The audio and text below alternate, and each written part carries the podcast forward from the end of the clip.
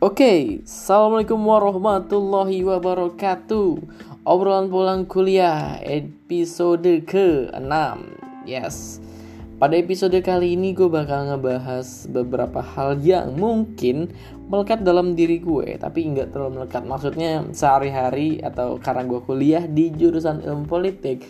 Selama ini podcast gue masih belum ada nih ngobrolin tentang politik dan gue bakal ngebahas tentang politik itu apa dan kenapa harus ngerti politik?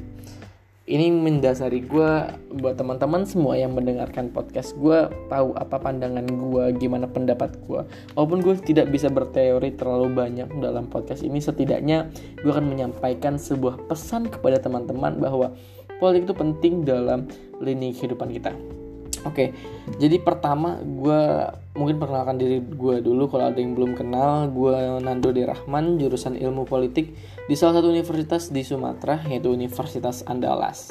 Nah gue karena jurusan ilmu politik kenapa sih gue milih itu? Pertama gue melihat politik itu awalnya dari sebuah fenomena-fenomena politik yang pada awalnya itu di tahun 2012 yang gue engeh banget sama politik pada saat itu di pilkada DKI Jakarta. Kenapa gue ngeh di media sosial di mana pun dibicarakan, walaupun gue nggak berdomisili untuk di DKI Jakarta, tapi gue dapat sedikit lah beberapa hal yang dibuat oleh banyak orang di media sosial, Facebook, Twitter dan lain-lainnya, mungkin grup WhatsApp segala macam dalam hal-hal kampanye-kampanye politik itu emang benar dilakuin di pas Joko Widodo itu berpasangan dengan Basuki Cahayapurnama. Oke, nggak boleh sebut Ahok ya karena dia maunya dipanggil Basuki Cahayapurnama. Itu gue ngeliat gimana politik itu dimainkan secara media. Media ini menjadi sebuah platform dari seorang calon kandidat kepala daerah dan oh ya satu lagi YouTube. YouTube itu nanti itu gue ada beberapa YouTube. Kampanyenya bagus sih gue ngeliat bagus karena itu nge-remake sebuah lagunya One Direction kalau nggak salah. Itu tentang kampanye politiknya sisi Joko Widodo.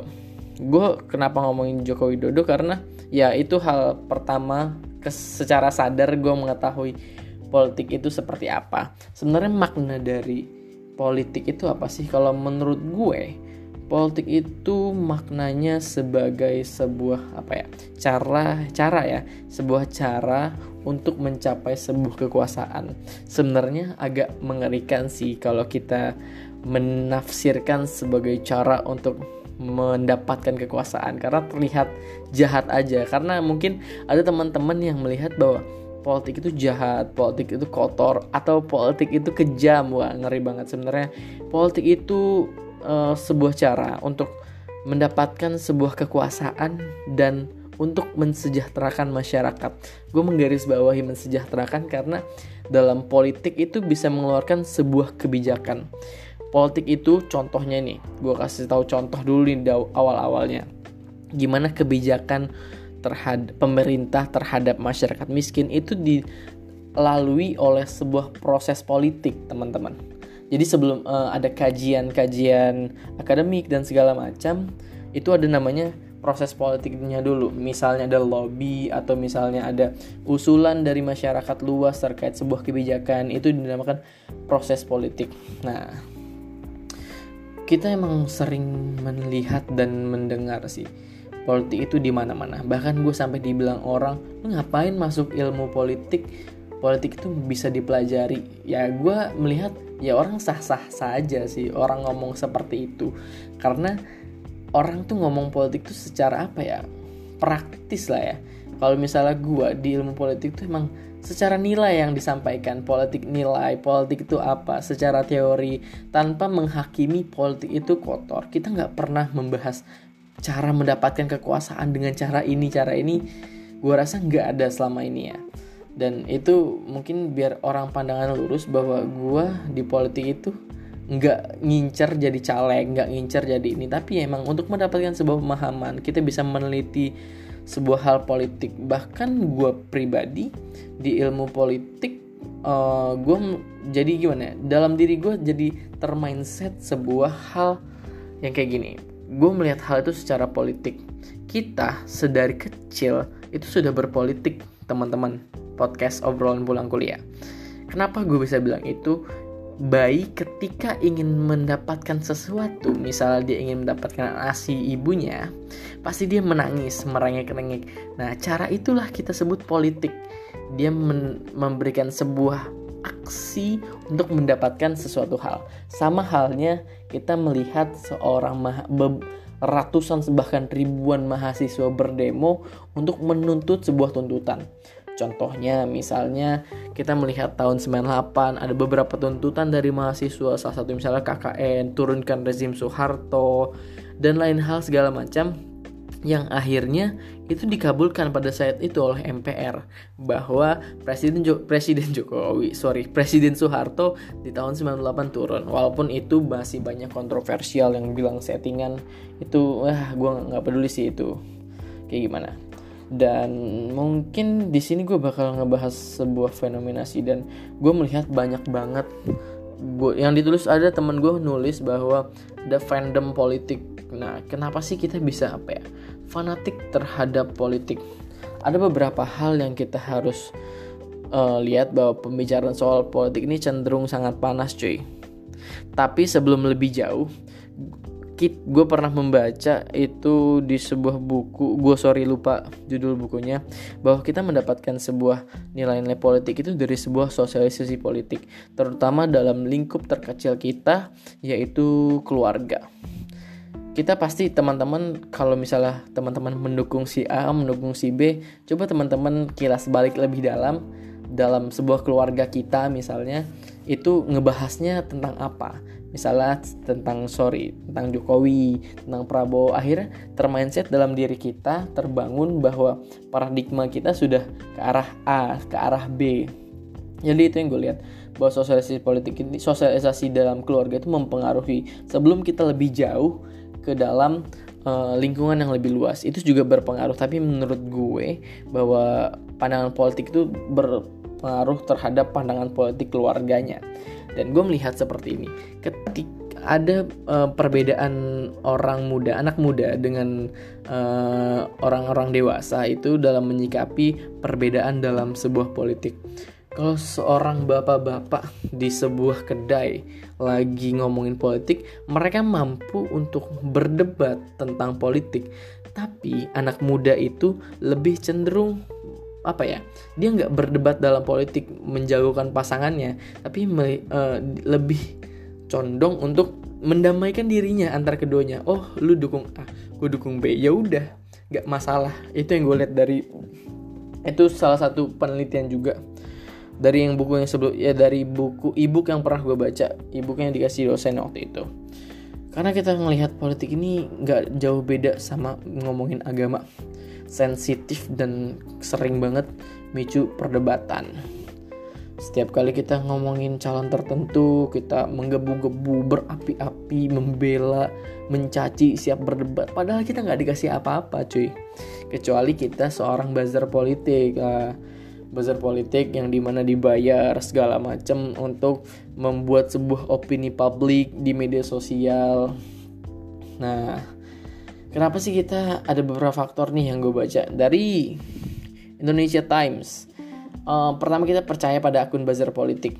Teman-teman, ada namanya buzzer, ada nama influencer. Mungkin gue nggak membedakan hal tersebut karena gue menganggap influencer ini kadang-kadang menjadi seorang buzzer juga. Walaupun dia punya identitas, tapi kadang-kadang kemunculan akun-akun robot ini yang sering menyanjung, mencela tokoh segala macam, akhirnya kita mendapatkan informasi-informasi yang buruk aja. Kan kita tahu ada algoritma di dalam media sosial ketika kita ngebuka si A akan keluar semua. Si A kita mesin pencarian kita berubah menjadi misalnya Jokowi Jokowi semua menjelekkan Jokowi menjelekkan Jokowi semua. Akhirnya kita fanatis kita melihat hal itu secara buruk. Ini sebenarnya sangat-sangat negatif sih menurut gue ketika kita melihat pandangan politik kita tergantung seorang buzzer politik. Banyak banget. Sekarang tuh gue lagi baca uh, ini sih kadang-kadang tweet war dari kader Gerindra sama kader Demokrat tuh lucu banget cuy kader Gerindra gue lupa. Eh kader Gerindra uh, kader Demokratnya gue lupa tapi kader Gerindranya tau lah yang di Sumbar. Yang ngegerebek PSK Terus nah terlalu yang kedua adalah terlalu percaya dengan ucapan kader partai. gue ngelihat juga orang kadang-kadang membagi postingan tuh dengan cara apa namanya ngepost uh, tweetnya kader ini kader ini menurut gue gini ada dua perbedaan sorry banget gue lupa dari siapa The ilmuwan seorang akademisi dengan seorang politik seorang akademisi itu boleh berbicara uh, boleh salah tapi tidak boleh berbohong. Ketika politisi boleh uh, dia boleh bohong eh dia boleh bohong tapi apa mau gimana ya? Politisi itu intinya boleh bohong lah walaupun itu salah ataupun benar. Bukan boleh bohong tapi dia cenderung membuat sebuah opini itu walaupun itu men apa ya nggak sesuai dengan diri dia dia seakan-akan menggiring sebuah opini walaupun itu berbohong dia nah yang ketiga itu uh, dalam sebuah ilmu politik ada yang namanya mungkin kalau ada yang pernah belajar di ilmu komunikasi propaganda banyak banget propaganda-propaganda yang diberikan oleh beberapa kelompok yang akhirnya kita dalam diri kita mempercayai mempercayai propaganda tersebut Contohnya, jangan pernah percaya dengan media. Jangan media itu udah dimiliki oleh pemerintah. Media itu nggak netral. Pada akhirnya, hal-hal tersebut berpengaruh dalam diri kita. Kita tidak lagi percaya media-media mainstream, misalnya Kompas, Tempo, dan segala macamnya.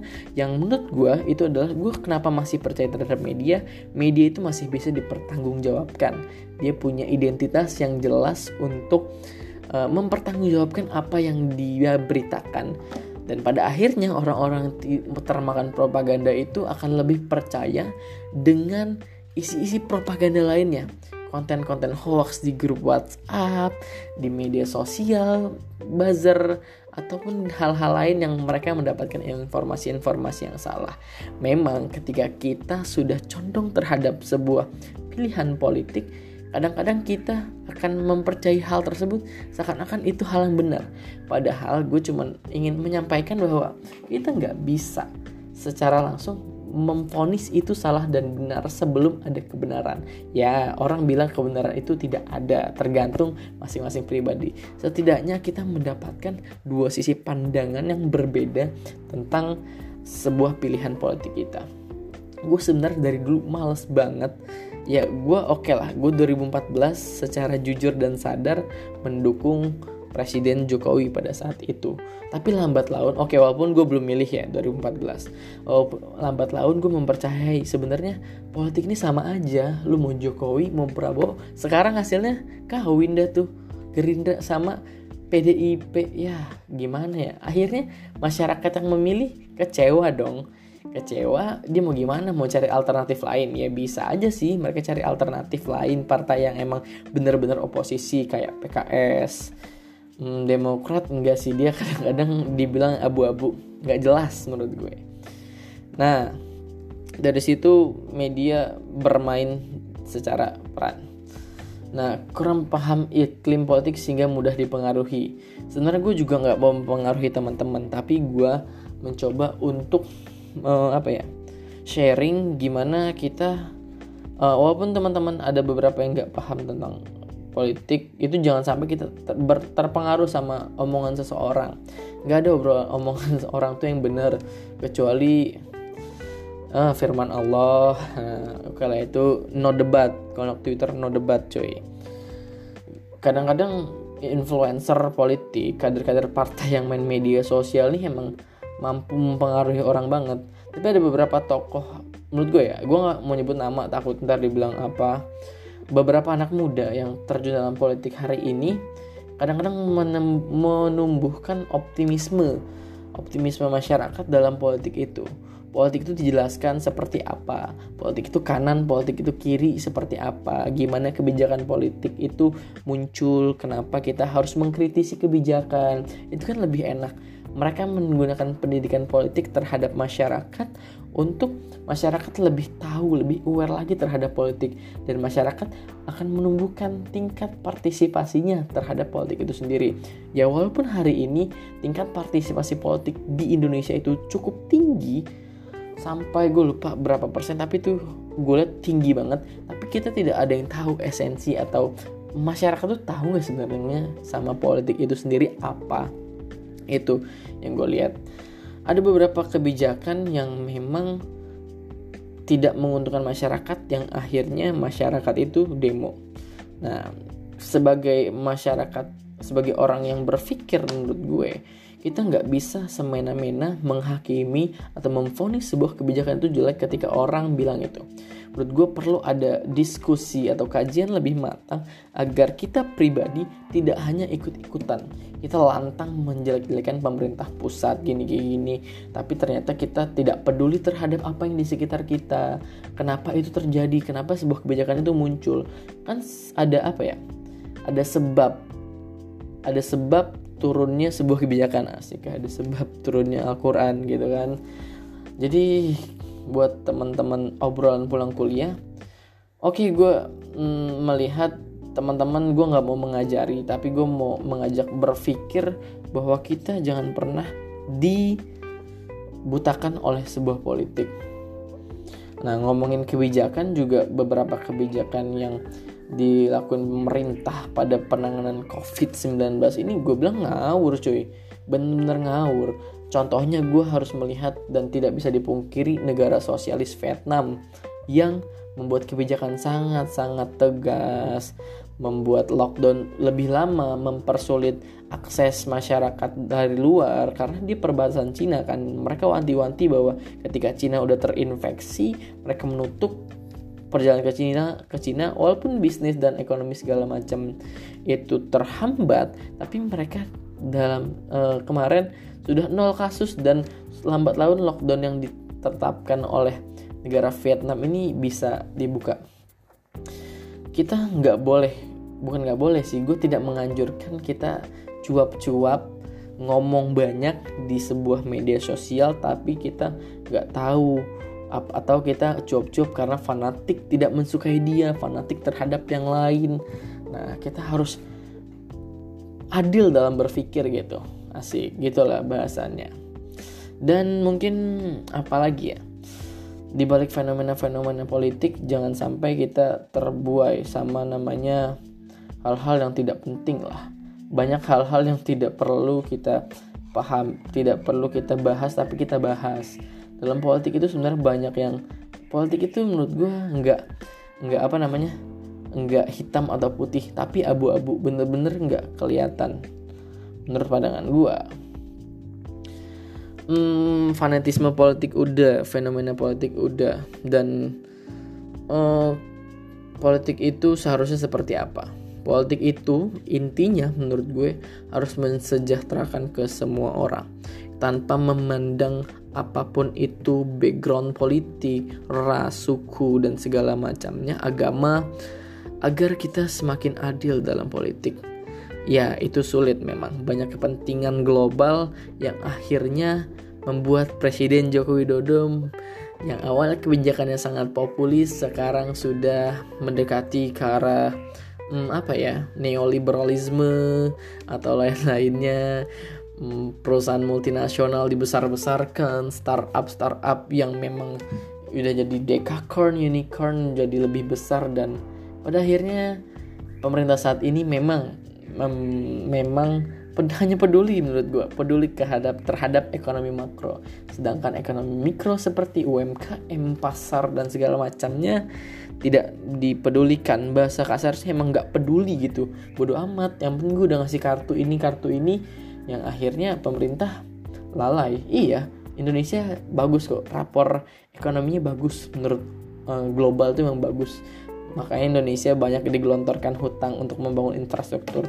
Tapi nyatanya Indonesia hari ini secara mikro sangat-sangat buruk. Kat, gue pernah baca katanya emang kita disuruh nunggu bersabar untuk membangun infrastruktur yang begitu banyak. Setelah itu setelah infrastruktur jadi akan ada misalnya akses yang akses yang mudah membuat uh, harga barang jadi turun. Ya mudah-mudahan itu terjadi sih asal tidak ada asal konsistensi dari pemimpin negara selanjutnya ini dapat diteruskan.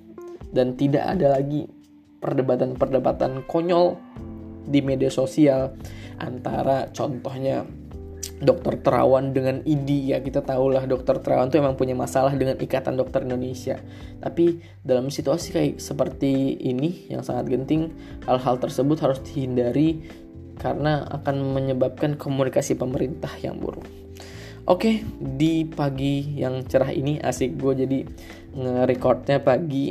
Hmm, selamat berpuasa di hari ke berapapun teman-teman menjalankan.